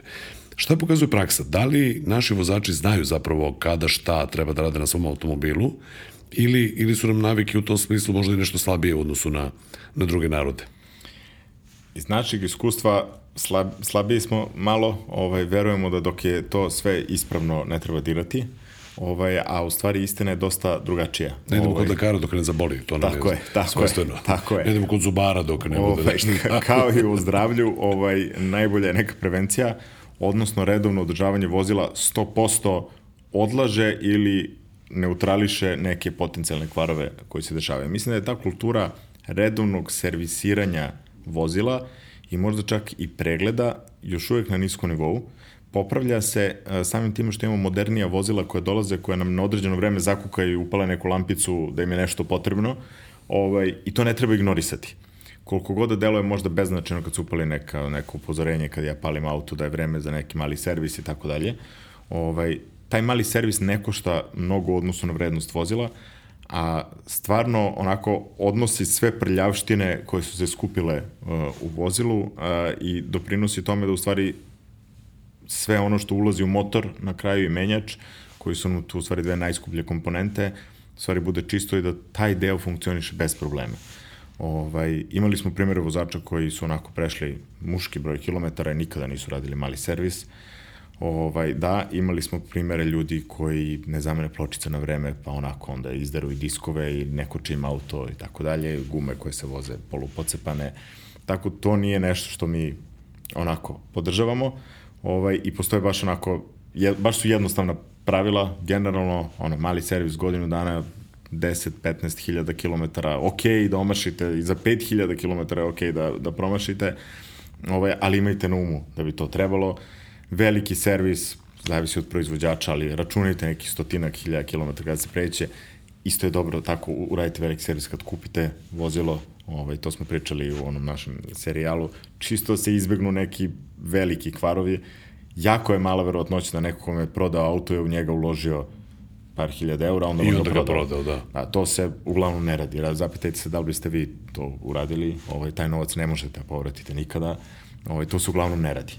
Da bi mogli da isečemo sa društvene mreže, ja bih htio i sad to samo da ukratkom, dakle, mali veliki servis, šta se radi na malom, šta se radi na velikom servisu i da, što kažu, zapamte neki mlađi vozači, ako to vide na storiju ili na, na, na, na YouTube shortsu, dakle, da to prođemo kroz to šta se radi na malom, šta se radi na velikom servisu i zbog čega je to generalno važno. I zaista, ovo što si malo čas rekao, to je najbolji savet kada se kupi polovni automobil, mi smo pre svega na kanalu polovnih automobila, da biste bili sigurni osim ukoliko ne piše zaista u opisu imate razloga da verujete da, evo upravo sam uradio Da. i na neki način to može da se, da se proveri, da se dokaže. Dakle, bilo bi pametno zbog te investicije koja je druga najveća investicija zapravo u našem životu, pa makar ona bila i 2 ili 3 hiljade evra, Tako ili je. 10 ili 15 ili 20, posle nekretnine automobil nam je druga najveća investicija, da biste sačuvali to što ste uložili, najpametnije bi bilo da to sve lepo zamenite i da pre svega možete bezbedno na put i da ne razmišljate o tome da li je bezbedno pre svega po vas pa i druge i da li će negde da stane.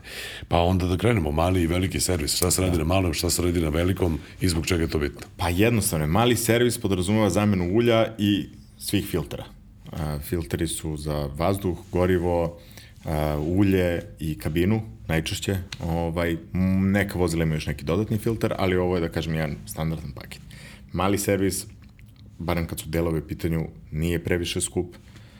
Um, okvirno za, za neka mala kola gradska je on 50-ak eura, recimo za neka veća kola me da bude duplo skuplje, ali to nije ne znam ja koja je investicija sada, ako to moramo da uradimo jednom godišnje. Ako to raspodelite na 12 meseci, vidjet ćete da to u stvari i nije ovaj, neka cifra. Kad pomenemo jednu godišnje, govorimo o, nevezano da. za kilometražu. Ako Jeste. prelazimo više kilometara, Prelazimo više kilometara, onda nam je auto baš potreban, pa bi bilo pametno da radimo to na vreme, što neki 10 do 15 hiljada kilometara. Neki moderni dizeli sada imaju duži servisni interval koji ide čak i do 30 hiljada kilometara, to sad zavisi od vozila.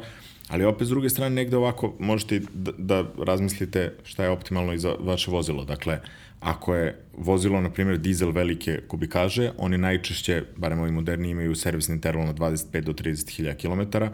Ako ja vozim po autoputu non stop, motor nije previše opterećen, menjač ne radi previše, tako da ok je da pratim taj servisni interval. Ali ako sam ja po gradu non stop, to vozilo trpi non stop neke, neka ubrzanja, kočenja i tako dalje. ne zagreje se često dovoljno Zagreje dok se, dođemo tako do je. posla Verovatno. ili idem samo do kuma da uzmem nešto, upalio Tako hladan je. auto, auto ne postigne optimalnu temperaturu, to je sve nešto što mu, što mu šteti, šteti motoru. Tako je. Modernija vozila će vjerojatno ranije pokazati da im je potreban servis. A, Ja imam baš jedan ekstreman primer, a to je BMW sedmica, koja je na svakih 7000 km morala da ide na mali servis, a, jer je board kompjuter tako pokazivao, a to je zato što je to auto o, kome se vozila neka važna ličnost, ovaj, imala šofera. Ali ko... samo od kuće do posla. Samo od kuće do posla, ali zbog bezbednostnih razloga šofer ne sme da gasi vozilo i onda taj auto konstantno radi u mestu. I sad on nema kilometražu. Ali njegov kompjuter zna da to nije bilo dobro za njega. kompjuter zna da nije dobro za njega. I on mu kaže da na svakih 5, 6, 7 hiljada kilometara mora da ide na servis. I to je okej, okay, jer taj auto de facto radi. Znači, on nema kilometražu, vreme mu teče isto kao i nama, ovaj, ali se auto jednostavno troši na neki nestandardan način i onda je auto zakukao nešto ranije. Na nekim starijim vozilima opet ove, neki 10 do 15 hiljada kilometara je neka univerzalna preporuka. A ako to ne prelazite, na godinu dana. Tako je. Samo da dopunim, Tako dakle, meni je moj auto javio pre, ovaj, sad sam razbio 80 hiljada kilometara, bukvalno juče, a, ali mi prijavio pre 3000 kilometara vreme ti je za redovan servis. Kod njega je Aha. servis interval 20.000, ja sam otišao lepo u ovlašćeni autoservis zato što prosto auto i dalje i u aranžmanu i taj servis mi je bio i garantovan uh mhm. -huh. u ceni, otišao i rekao, molim vas uradite, on prijavljuje, ja znam da ovo nije 80, ali tražio je. Tako. Rekao je, treba da se uradi servis, izvolite. Tako je. I tu treba, samo bih napomenuo da tu ne, ne treba pristupati sa panikom, sad je auto rekao da vreme za mali servis, ok, da se vozite još neko vreme i da pređete neku kilometražu. Imamo i pozive od ljudi koji su krenuli u Grčku na more. Ja, upalio mi je. Pa, pa mi je auto upalio sad, evo, na pola autoputa mi je upalio da moram mali servis, sad ću da svraćam negde u Solon da radi mali servis. Ne, sve je okej, okay, slobodno i more, vratite se, ništa mu nije. Postoji tolerancija. Tako je, znači nije nikakva drama, ovaj, samo je to jedno redovno održavanje koje sad, eto, igrom slučaja iskočilo. Naravno, Marfi je takav da će uvek da iskoči kada naj, najmanje odgovara. Mislim, evo, ja mogu da vam kažem, meni se desilo da veče pre polaska na more sa porodicom pakujem kofer na krov, i da izađem na autoput samo da istestiram da li sam ja to dobro zakačio ili nisam jer sam prvi put kačio i da u tom testiranju on meni prikaže da mu je vreme za mali servis.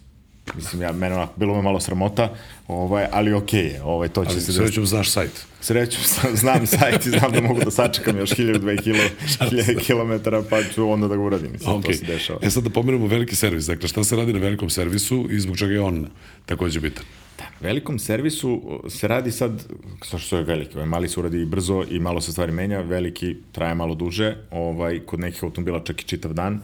A, menjaju se španeri, roleri, kajševi, a, pomenuta vodena pumpa, odnosno pumpa za vodu, a, ponekad čak i antifriz. Znači sad zavisi od sam, samo sklopa motora, ali generalno neki rotirajući elementi koji prenose snagu od motora na neke elemente podrške i tako dalje, ovaj moraju se zamene zbog istrošenosti. Istrošenost može se desiti ili zbog kilometraže, najčešće je to od 80 do 120 hiljada kilometara, najčešće, ili zbog godina. A, neki vremenski interval je 5 do 7 godina, ovaj, sad, dosta ljudi nas pita, pa dobro, što moram da radim veliki se, nisam prešao, ne znam, ja 50.000 km, prošlo je 7 godina, ovaj, ako uzmete komad gume i samo ga ostavite na policu kod kuće za 7 godina, vidjet ćete kako je krh postao i malo se možda da, promenit će svojstva, da. Tako je, ovaj, sve, sve, sve, ti, svi ti kajševi koji su prisutni u automobilu, ovaj, se svaki dan zagrevaju na nekih 90 stepeni, pa se hlade, pa zagrevaju, pa se hlade, trpe neko opterećenje, rastežu se. Sad ću da parafraziram reklamu, to je bilo za kozmetički zdravstveni proizvod, ali mogu da kažem, kada guma radi, ona puca, ona pati. Eto, tako je. Prosto tako hladi, je. hladi se i gre. tako je.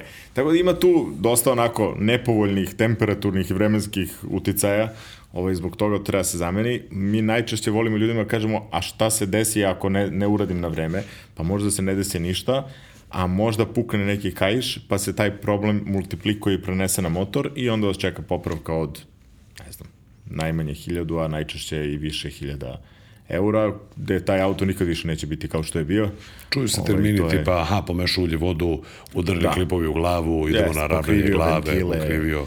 Tako je, to onako, motor je jedna potpuno sinhronizovana stvar koja sinhronizuje jednu deset stvari u jednom trenutku i samo jedna ako ispadne iz klopa, sve druge udare jedna u drugu, sudare se, izmešaju se i tako dalje i to je baš loše. Dakle, Ove... pratite to i uradite veliki servis i preporuka je kad kupite polovozilo za koje ne možete biti sigurni šta je bilo s njim pre toga, uradite to da spavate mirno. Tako je. Tu su onako, tu bih spomenuo još jednu stvar to je kod nas potpuno nestandardno, a u stvari kom god majstoru da tražite to ili da ga zamolite, on će vam to uraditi, a to je provera nekih tečnosti. Dakle, majstoru treba minut do minut i po da proveri antifriz. On će da ovaj, ubaci jedan tester, da onako, usa, znači kao špricić izgleda. Recimo. Snimali smo i to, da, onako e, kao pipetica jedna. Tako je. I onda gleda kako to izgleda i do koliko stepeni Jeste. izdržava. I će njemu da pokaže da li taj antifriz u granicama tolerancije ili nije u granicama tolerancije. Dakle, mi ne znamo da li je naš antifriz ok ili nije ok, a vozimo kola koje više ne mogu sklade vodom, kao što se nekada to radilo. Ovaj, ne znamo da li nam je kočiono ulje ok ili nije. A provera je stvarno beznačajna, verovatno nikad niko neće ništa naplatiti i čak i da morate izvršite zamenu, to ne košta ne znam ja koliko novca. Tako da ta provera nekih stvari koje možda nisu deo malog ili velikog servisa, može stvarno bude važna i eto baš tu savjetujem pogotovo kad su tečnosti u pitanju, mislim da tu uopšte nemamo naviku da proveravamo, a, ovaj, a tu je onako može da se a, postavimo da se odlože veliki problemi. To sam upravo teo da pomenem, to je bilo moje sledeće pitanje, dakle kad pričamo o tečnostima, a pomenuli smo gumu i, mm -hmm. i kajševe, dakle i samo ulje, ok, pa dobro, ja ne prelazim mnogo, ja prelazim malo godišnje, ali prosto viskozitet tog ulja, koje možda se i samo stoji, ako prelazite 5000 km godišnje, to nije isto. Tako je. Dakle, samo i gorivo, ako bismo ostali, ono ne može više od nekoliko meseci da stoji u kanisteru ili, ili u rezervoaru, prosto dešavaju se hemijske promene, to je namenjeno da bi se koristilo. Dakle, provera tečnosti je takođe važna. Ne samo kad kupujemo automobil, nego naš automobil, možda ga ne vozimo mnogo, valjalo bi to proveravati. Jeste, i u, ovaj, i ova tri emisije koje smo uh, snimali, smo pričali o menjačkom ulju, to je nešto što, eto, pozivam ljude da pogledaju, ovaj, ako nisu, ali to ulje menjača postaje sve važnija i važnija komponenta, možda nam još uvijek nije stiglo do glave koliko je to ovaj, bitno, ali moderni menjači, pogotovo moderni automatski menjači, su izuzetno skupi i izuzetno osetljivi, a plivaju u ulju kojem obezbeđuje sigurnu sredinu. Mi, nažalost, kupujemo polovna kola a, najčešće, ta kola su prešla puno kilometara i to ulje bi isto trebalo da se zameni s vremena na vreme. Ovaj, najčešće to na nekih 200.000 km, ovaj, to je najčešće trenutak kada mi dolazimo u posledstvo uh, vozila iz inostranstva. Ovaj, ta zamena nije jeftina, ali može da nas sačuva za mnogo krupnih mnogo krupnih gre, grešaka za sve vreme posjedovanja našeg vozila. Ovaj, ne verujem da će neko kupi auto sad i da ga vozi narednih 15 godina, to se ovaj Zapravo, zapravo, kad pričamo o menjačima i automatskim menjačima, nekako smo svi svedoci da se malo promenila generalno ovaj, način, e, kako bih rekao, i način kupovine, odnosno svest ljudi. Pre bilo i ja, automatski menjač, pa to niko ne može da popravi, pa to dva majstora samo postoje, ja, pa ovaj ne zna i tako dalje. Međutim, se više i više vozila, ja to podržavam, jer obožavam automatske menjače, našto moderne, sa dvostrukim kvačinom i tako dalje, gle, neko radi ovo umesto mene, a to sve radi kao savršen sklop. Okay. I onda tu došlo do neke skepse, pa i mi često kad se konsultujemo u emisijama i u testovima, ovaj, pa pomenemo i čuveni DSG, uh -huh. gde je bilo jedno vreme, da, on će crkne 150 ili 200 hija kilometara. On nije predviđen da crkne, ali da ne bi crkao, morate menjati menjačko ulje, morate menjati filter Tako tog ulja, jer ono trpi strašne pritiske i temperature. Jeste. Menjačko ulje e, najčešće u planu održavanja vozila uopšte ne piše da se menja.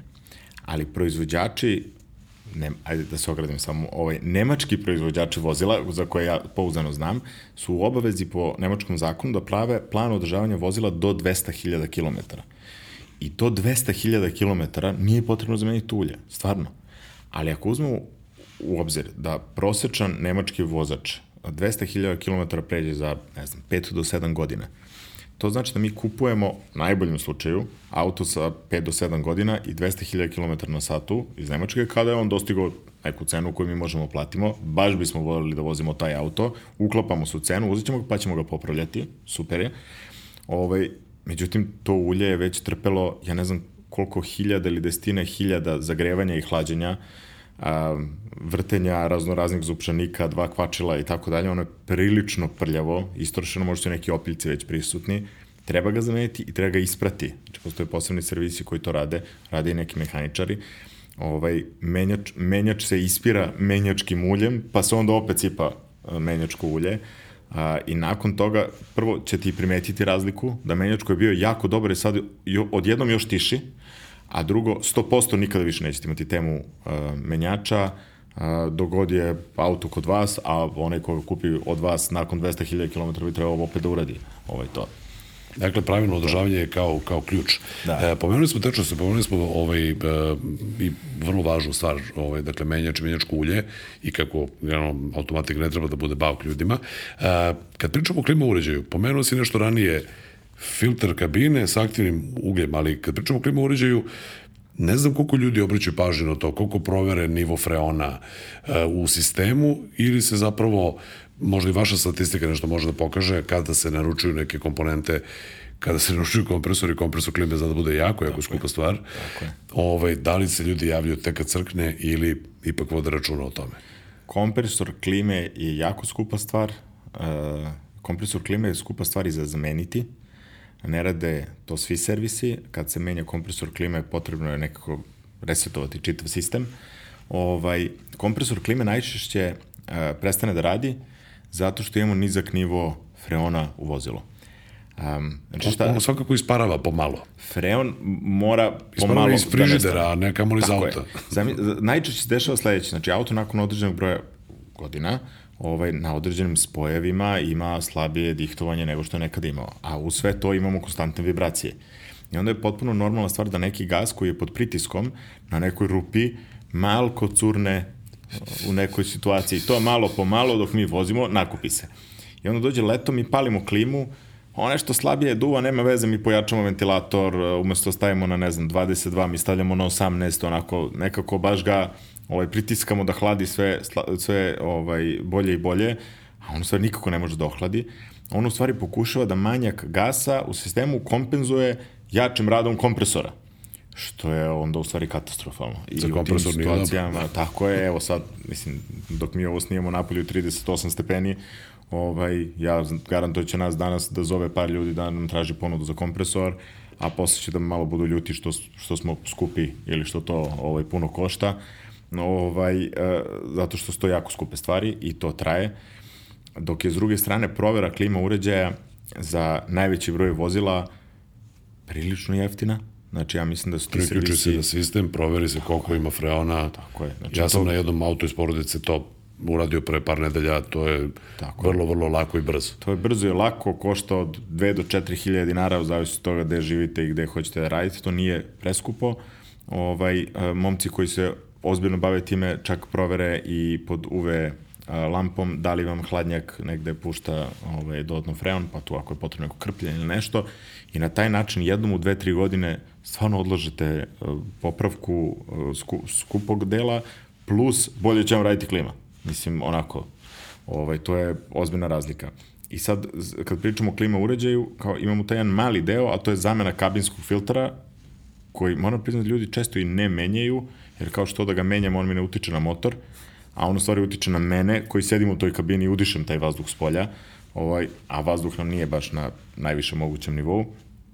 Ovaj, pa ne bi bilo loše zamene, se stavi sa aktivnim ugljem ili čak imaju za neko je alergičan, postoje neki antialergijski. Antipolenski, da, Tako je da se malo tu onako još bolje postavi, to su jako male razlike u ceni, a time ćemo i izbeći onaj malo rožnjikavi miris vlage, buđi ponekad i tako dalje, Koji inače, umanjiti ga. koji inače izbegava se stvaranje njegovo, ok, protok godine je važan, ali tako što ne treba gasiti automobil sa upaljenim klima uređajem, nego je pustiti 2-3 minuta pred dolazak da ona se isuši malo, da ne ostanu te mikrokapljice, odnosno kapljice u sistemu, ako može zbog kondenza, u kojima se javljaju mikroorganizmi kasnije. To je idealno tako, ali znaš i sam da u gradskoj vožnji treba da se vozim 10 minuta, da ako će 3 minuta da se Da, da, da. suši, Nije onda baš- ovaj, da, Nije baš nije baš zgodno. da. Ok, pomenuli smo te neke najvažnije stvari, pomenut ćemo svakako i ogibljenje, to je dosta, dosta bitno, i kočnice i pneumatike. Šta bi mogli pod ostalo da podvedemo pre nego što pređemo na ovaj deo koji je, da kažem, upravljački bitan? Šta je to još ostalo što treba proveriti povremeno i, da. i pogledati i prevent, preventivno zapravo delovati da sačuvamo sebi i tu našu najveću investiciju i da budemo uvek, da kažem, spremni za put. Uh, pa ima puno stvari. Um, ajde da kažem neke koje su meni najočiglednije, ne znam, neki sistem za osvetljenje, kako nam funkcionišu farovi, ne znam, migavci, ovo, ono, mislim da je to ono, i na tehničkom pregledu nešto se redovno ovaj, menja. Um, mislim da dosta ljudi pravi kompromise oko um, brisača, to nam je, to nam je potpuno nejasno zato što brisači nisu skupi, ovaj, a tu nije dobro baš da nam muljaju previše po šofer šajbni.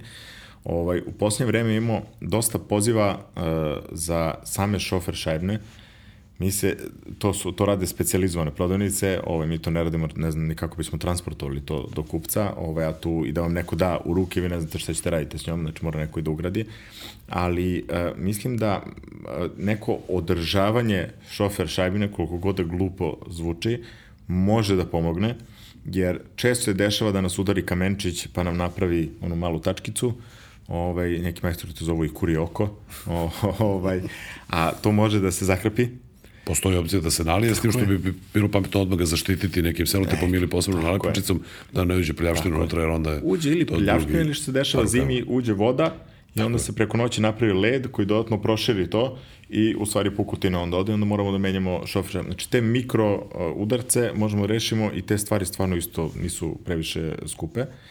I onda, ovaj, ajde, to je ovo vizualno što imamo. Najvjerojatnije će tehnički pregledi, odnosno neki rigorozniji pregledi što tu dolaze, isto malo da pomognu u tom smislu.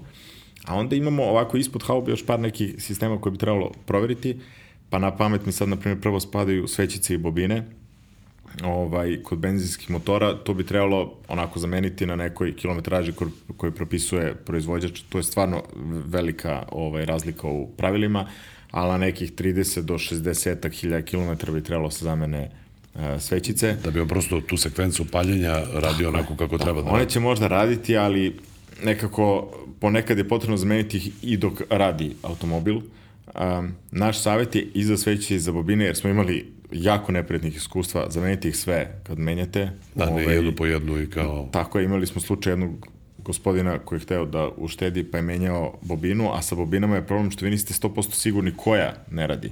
Pa se onda menja jedna po jedna, a najčešće sve prestanu da rade u vrlo slično vreme.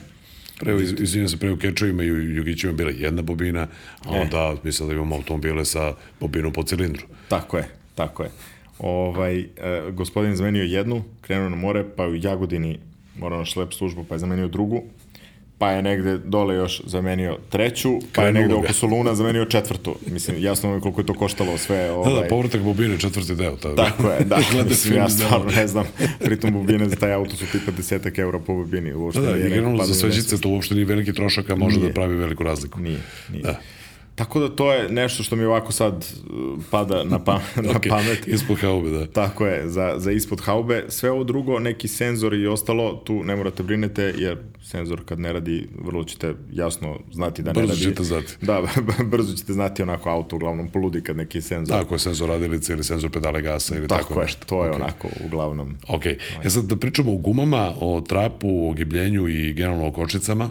A, mi kad smo se videli pre, pre nekog vremena, baš sam pričao o tome kako sam upravo ispred sebe imao automobil, je verovatno, možda čovjek je krenuo ka, ka, ka serviseru, mlađi dečko je bio za volanom, francusko je vozilo, ja verujem da on misli da tako treba da mu auto leži na putu. Zadnji Aha. kraj na, na ravnom putu skače. Vazdušni dakle, Vazdušni jastuci. A bez vazdušnih jastuka. dakle, ovaj, onako baš prilično je igra automobil, to je simptom zapravo lošeg amortizera. Jeste. Koliko se često naručujete stvari su kad bi mi to trebali da proveravamo i šta je to sve što utiče možemo posebno u pneumaticima, ali u gumama, ali trap, ogibljenje kočnice, to je jako, jako važna stvar. Jeste. To su važne stvari zapravo. Jeste. Sve to što je spomenuo sada je u stvari onako najveći deo bezbednosti našeg vozila. Ljudi uglavnom onako misle da je najbezbednije da ja stanem ili da održim vozilo na putu, da su to kočnice i gume. I to jeste tako, ali mislim da umanjuju značaj nekih amortizera ili opruga u svemu tome. Dakle, ovo što si e, spomenuo se najčešće dešava kada procure amortizeri, pa se auto oslanja isključivo na opruge. Opruga je, pojednostavljeno rečeno, jedan ogromno feder. I sad zamislite da imate auto na četiri federa koji kad pređe preko ležećeg policajca ili nekog vibljenja, on samo nastavi da se ljuljuška u beskonačnost. I sad zamislite da u tom ljuljuškanju ja moram da uđem u krivinu neku i onda tako skakućem i ljuljuškam se na stranu i to nikako nije dobro. Dakle, to neće dugo da traje. Ovaj, dobra stvar je što amortizeri više uglavnom nisu preskupi, sad tu ima jako puno proizvođača i onda kako je velika konkurencija na tržištu, ovaj, cene su dosta prihvatljive. Um, ako sumnjate da li su vam ispravni amortizeri ili čak i opruge, Ovaj, uvijek možete proveriti u vožnju tako što ćete malo onako volan levo-desno pa da vidite koliko se brzo stabilizuje. Ne pre visokim brzinama. Ne pre visokim brzinama, da, da, bezbednost na prvom mestu. Ovaj, ali možete da proverite da li tu osjećate dozu nesigurnosti na volanu i ako osjećate, postoje određeni testovi, majstori to zovu treskavac, te se auto bukvalno odvede na mašinu u kojoj ovako tera vozilo da poskakuje. To čovjek da u Hrvatskoj na tehničkom pregledu, to je vrlo zanimljivo. Da, i to je super, mislim, to će stići na tehnički pregled u Srbiju, jednog, jednog dana. Jednog dana, da. Ovaj, o, ali to je super, ja sam to radio na jednom autu i zaključio sam u stvari jedan amortizer procureo, procureo a zna, samo mi je bio neki čudan osjećaj na volanu. A nisam umeo da, da opišem uopšte. Ovaj, onda sam tako odvezao auto na treskavac, dobio sam rezultat u stvari kako se koji točak ponaša. Ovaj, zaključio jedan amortizer iscureo, zamenio sam dva na jednoj osovini, a kad zamenite jedan amortizer na jednoj osovini, onda je vozilo kontra nestabilno, odnosno imate sad i čvršći amortizer u odnosu na ove ostale. Idealno da zamenite sva četiri, ali najmanje dva. I, to je najmanje na istoj osovini da bi bilo ujednačeno, da. a ako može sva četiri... Da, da. Nemojte svako dva leva da zamenite, ovo da, da, dva desna kao to. Može Subaru symmetrical all-wheel drive, da, da, kao da, samo da. leva strana. Kao, sam, vozim se sam u kolima, zamenjući samo na, na levoj strani. ok, malo, malo šala, ali dobro. Dakle, preporuka za amortizere, jer oni su zapravo uz pomoć ulja i te hidrolike tu da ne budete samo na, na oprugom. E sad kad pričamo okay. o trapu, um, nisam siguran koliko ljudi često idu da, da urade reglažu trapa i da provere. Možda primete, aha, nejednako mi se troše gume, ako uopšte gledaju. Da, da. Aha, vuče mi auto negdje ili mi ne vuče, ma to je, nisam na duvu gumu i tako dalje. Da, ali, to... mislim, pokoj proda delova ne može imati tu statistiku. Ne možemo, ne možemo, ali gledajte, nejednako mi se troše gume, znači da su mi se već gume nejednako potrošile. Tako je. Baš sam, Jer kad se već vidi, onda je, je to gotovo. Baš je bez veze što sam dopustio da dođem u tu situaciju da sad gume koje sam platio ne znam koliko su nejednako potrošene, verovatno ću morati opet da ih zamenim vrlo brzo, ovaj zbog toga što mi trap nije centriran. Dobra stvar je da je jako puno dobrih servisa krenulo da radi i reglažu trapa i proveru ispravnosti trapa. Dakle, reglaža trapa, za neke ljude je to malo veći trošak, pa nećete idu baš tamo ako ne moraju.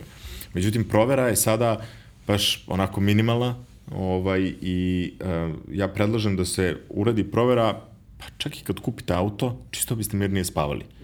Ovaj, pa onda oni kažu da vam je trap ok ili vam nije ok, odnosno da li u nekim granicama tolerancije. Ako vi već imate čudan osjećaj na volanu, a nisu amortizeri ili opruge, to je onda trap, nešto je nakrivo, ovaj, ili ako, mislim, to, ako se već vidi da kad vozite onako idete pomalo popreko, ovaj, to je već trap koji je i hahaj ovaj, za, za neko podešavanje iz početka. Ja sam vidio C klasu, ja stalno digres, pravim digresije, ali vidio sam jednu C klasu, čak sam ovaj, skrenuo pažnju i ostalim ljudima u kako, kako ide, kao kečevi nekada, što su išli, pa četiri traga iza nje ostaje. Jeste, bukvalno e, auto ide po strance. Tako je, tako je, tako je.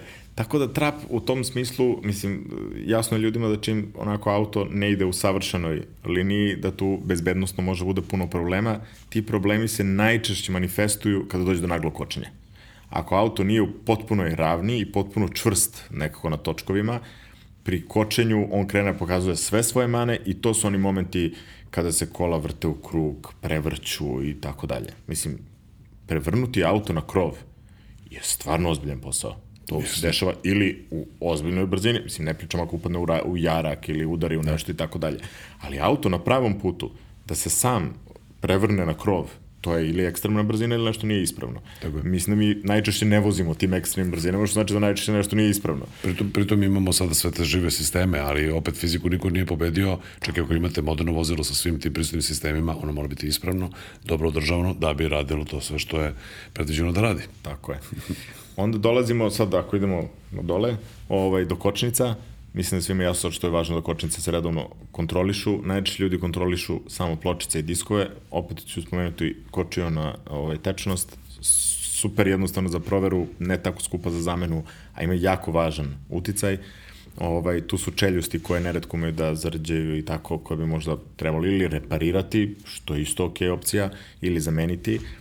Um, I onda diskovi pločice gde ajde, kod modernih vozila postoje neki senzori koji nam govore, ali kod starih vozila vrlo jasno vidite da li je vreme ili nije vreme i tu savjetujem ljudima da ne prave kompromise. Dakle, najčešće se diskovi menjaju na 3 do 4 zamene pločica, najčešće, opet kaže zavisi od uslova vožnje i vozača i tako vozila i tako dalje. Ovaj, ali se vidi potrošeno samih pločica i diskova i mi uvek savjetujemo da se tu uzme neki onako malo poznatiji brend, um, da se uzme nešto što će nam garantovati sigurnost kada bude došlo do toga. Ako već morate praviti neki kompromis, prednja osovina najčešće trpi 70-80% sile kočenja, zadnja je na 20-30%, tako da onako, častite svoj automobil na prednjoj strani, ali na zadnjoj strani uzmite nešto i manje poznato i to će biti isto. Ako je, okay. ako je ekonomija, odnosno ako ekonomski Tako uslovi su, nisu, da kažem, povoljni, e, težina motora je pre svega napred i zbog tako toga je to, to tako, zato što auto krene da potanja. Tako je, tako je, tako je. Dobro, e sad kad pričamo o kočnicama i o diskovima, ovaj, pomenuli smo trap, ostavio nam, čini mi se, samo još gume i kažem, ovaj, imali smo ovde i kolegu iz IPG-a i non stop se priča o gumama, naročito u sezoni. A, prosto način održavanja guma postoji, postoji i, i zakonski propis da zimi, duše, takav zakon je pomalo ovaj, mislim da ga možda jedini mi imamo, ako ima poledice snega na putu, morate imati da, da. zimske pneumatike. I pričali smo ovde upravo i o tome da li su all season gume zaista sjajno rešenje. Postoje sada i one koje su malo više zimske i one koje su malo više letnje, s tim što ja uvek kažem, pa dobro, pokaži mi te tvoje čizme koje su i japanke i obratno. Jeste, jeste. Šta možemo da kažemo o održavanju pneumatika, pa i onda kada skinemo, ako imamo dva seta što bi trebalo da imamo, kako bi trebalo da ih čuvamo? Pa nema tu nekog pametnog rešenja. Ovaj, održavanje pneumatika se više svodi na kontrolu, ovaj, da li, kontrolu njihove ispravnosti i na neko pravilno skladištenje. Mislim da tu isto ima nekih onako grešaka koje se prave, a potpuno bez veze. Ovaj, dakle, prvo, što ste rekao, zime moramo da imamo zimske gume, leti bi bilo lepo da imamo letnje gume, postoji sad taj trend sa all season gumama, kako su nam zime nešto dosta blaže postale, tu su mišljenje potpuno podeljena, šta god da kažem, ovaj, poješćena su u komentarima. Pa dobro, da ovaj, kažem da to i Milenko je pričao iz IPG da prosto postoji one koje su malo više zimske, ono, ali pažljivo čitate i obratite pažnju. Sve zavisi gde živite. Tako je. Znači, da li je sever ili jug Srbije, da li ste u planinskom kraju ili niste. Ja volim da imam dva seta i mislim Tako da je to apsolutno apsolutni prioritet za mene. Pa možda su jeftinije zimske gume, ali da ima dobru, dobru šaru i neke dobre ocene, ako mogu da, da se nađem negde u toj kategoriji, onda, onda sam tu. Tako je. Bitno je da guma Još bude... jedna stvar, tada mi ovaj, rekao kolega da je 78% prodaje, barem što se tiče statistike IPG-a, budget, odnosno cena određuje sve. Tako je. I to je potpuno, ja imam potpuno razumevanje za to, ali pokušati da u tome nađete najbolje za sebe, jer to je jedini kontakt sa podlogom. Jeste, jeste. I tu u stvari sve ovo što smo mi pričali može padnu u vodu, jer ako smo stavili lošu gumu, to što smo i kupili dobre kočnice ne može da se prenese na put, vozilo će da otkliza i napravit ćemo haos neki. Po pitanju nekog održavanja, mislim, ja ono mogu da kažem šta ja radim na svom autu, ja vizualno proverim gume s vremena na vreme, da nije slučajno iskočio neki bubreg, što se narodski kaže, to je izbočina na boku, ovaj, pošto živim u Beogradu, često se desi, eto neki ivičnjak, onako, nezgodno se popeo, nezgodno sam sišao, zakačim, ponekad sam, par puta sam čak i pocepao gumu sa strane i imao sam te situacije koje su za mene bile diskutabilne. Dakle, zakačena je sa strane, ali ne ispušta. Je li ona bezbedna ili nije bezbedna? Sad tu, onako, postoji neka granica, ne znam šta vam kažem, konstitujte sa vulkanizerom, ja sam to zamenio zašto mi je bilo nesigurno da nakon toga vozim 130 na sat na autoputu, ovaj, a vidim oštećenje. Ovaj, to je jedna stvar. Druga stvar koju mogu kažem oko održavanja guma je uh, u stvari to skladištenje. To smo ovaj, primetili da onako dosta ljudi samo baci gume kako god. A u stvari, pogledajte na internetu, to je baš puno, puta obrađena tema. Idealno bi bilo da imate rezervni set felni i da to bude štap Tako kroz, kroz sredinu Tako lupe. Je, to je idealno. Ako slažete jednu na drugu, ne slagati četiri od jednom, nego je. dve maksimalno to. i menjati mesta i malo ih Tako je malo ih ovaj pomerati. kao, ako su gume na felnama, onda se slažu jedna na drugu, ali da ne bude pre, a ako nisu na felnama, onda bi bilo idealno da stoje uspravno, uspravno ali stvari, da ih povremeno ali zarotirate. da ih povremeno zarotirate. To motorđije ovaj, isto znaju kada motor stoji parkiran preko zime, ovaj, idealno je u stvari da ga podignete na stopu, da u stvari nije oslonjen na gume uopšte, jer onda gume ne trpe pritisak, Ove, a ako već stoji, da ga na svakih, ne znam, dve nedelje pomerite makar 5 cm, samo da se guma pomeri malo po malo. Da bude ravnomerno ovaj, raspoređeno to tako je. čučanje u sezoni. Tako je. Tako da nema tu nekih ovaj, pretaranih pravila, saveta, a u stvari e, se priča svodi na to da treba da se pomeri da guma bude ispravna, da šara bude ok, postoji taj neki propisani zakonski minimum, ali postoji neki zdrav razum da je u stvari to što ja imam još jednu dlaku do zakonskog minimuma, ne znači da baš moram da dođem do toga, nego bi možda bilo okej okay da je, da je zamenim ili da razmišljam o tome Ovaj, pa eto, tu bismo posavjetovali ljude, samo da obrate malo više pažnje na to. Ok, pre nego što pređem na, na sam kraj emisije, odnosno jednu vrstu malog uh, kratkog leksikona, samo ću da kažem, a ponovio sam to više puta i u ovom podcastu, um, u ranijim epizodama, da se redovno viđaju tako skupa, skupa vozila, uh, neki SUV, SAV i tako dalje, i to sve onako puca, a onda čovjek baci pogled ovako na gume i vidi da to nije naj, najbolje obuveno da. i da to, jer skupi su gume za ta vozila, velike su dimenzije, ko sad da daje 1000 i po 2000 evra, ovaj, i onda prosto ako ne možete da održavate i da koristite to što treba da taj auto da koristi, onda možda biste trebali da kupite taj auto. Ali Jeste, dobro. Slažem se. E, prelazimo sad na taj kratki leksikon. E, kada si položio, Nikola, koliko si godina imao? Uf, a... Šta je bio prvi auto? Za, uh, za, za kola sam položio sa 18 godina, čim sam napunio, mm -hmm. ovo jedva sam čekao, a za motor sa 20-ak. Dobro, malo sam malo više iskustva. Da, čekao sam se malo. Dobro, i prvi auto koji, koji si vozio? Jugo 45 Junior. Opala? Za one koji ne znaju što znači Junior, to znači da je sva dodatna oprema koja je značila neki luksuz na tom jugu, a to je, na primjer, ona kožica oko menjača, ona kaseta za rukavice, desni retrovizor, zadnji brisač, to nije imao. Znači, Junior je ekonomi varijanta Juga 45, auto sam nasledio od svog strica, ovaj, bio je onako u ok stanju, radio sam u dve generalne za tri godine, što su mi rekli da je ok. Da, dobro. Ovaj, I prodao sam ga nekom gospodinu na oglas koji sam nalepio na auto. To je prvi jedini put da sam to tako uradio. ovaj, gospod me je jurio, pošto nije mogu me stigne i dogovorili smo se onako za jedan i po minut i jedno piće. Ovaj, tako. Dobro, to je bilo pre polovnih automobila. Tako okay. je. E sad, ovaj, šta, šta privatno voziš? Ja znam, ali da kažemo ovako, ovako javno i kakvi su ti navike u tom smislu? Da, pa trenutno vozim uh, BMW 530, ovaj, karavan, pošto imam veliku porodicu srećom, pa nam treba mesta da se potrpamo svi. Inače sam onako zaljubljenik u BMW brand, tako da volim ovaj, sve što oni prave. Ovaj, mislim da će me dobar deo ekipe ovde razumeti, a deo će me mrziti zbog toga i vući na neku drugu stranu, ovaj, što je okej, okay, ali uh, nekako najviše bih volao da vozim što manji auto sa što više konja, život me uče u drugu stranu, valjda uvek želimo ono što ne možemo da imamo, recimo.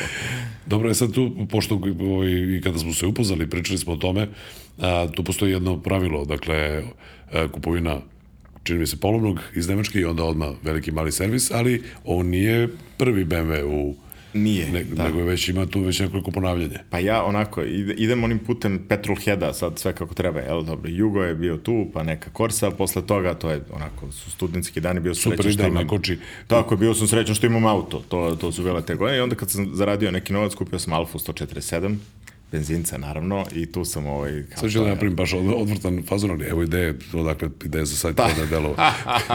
od prilike. Ja i moram priznati nisam imao apsolutno nikakvih problema sa tim autom. Bravo. Ovaj, na stranu svih priča i da sam ga lepo kupio i lepo prodao i lepo vozio, ovaj, stvarno, ali da, ima ovaj, takvih slučajeva što ti spominješ, ali to mi je bio prvi put da sam kupio neki onako ozbiljan auto. Ovaj, uh, posle toga je bio jedan Seat Leon 1.2 turbo, -hmm. To je onako kad se tek pojavili ti mali turbomotori, to mi je bilo jako zanimljivo, moram priznati. Prvi put sam ostio taj ono, Mali, kick. a ide. Da, taj kik tog obratnog momenta, to nije postojalo atmosfecima do tada. Ovaj, I onda se pojavio jedan BMW 320i, neke zlatne šampanj boje i tad je ljubav počela. Recimo, bile su neka još dva, tri službena auta umeđu vremenu koje ne inspirišu previše. Ovaj, onda je bio 320D, posle toga F30 i sad smo zbog proširenja porodice došli na peticu, iako mislim da je trojka ovaj, dalje prava mera. Ovaj, zato što je dovoljno mala pa, da, da, da, da, da ide kroz iglene uši.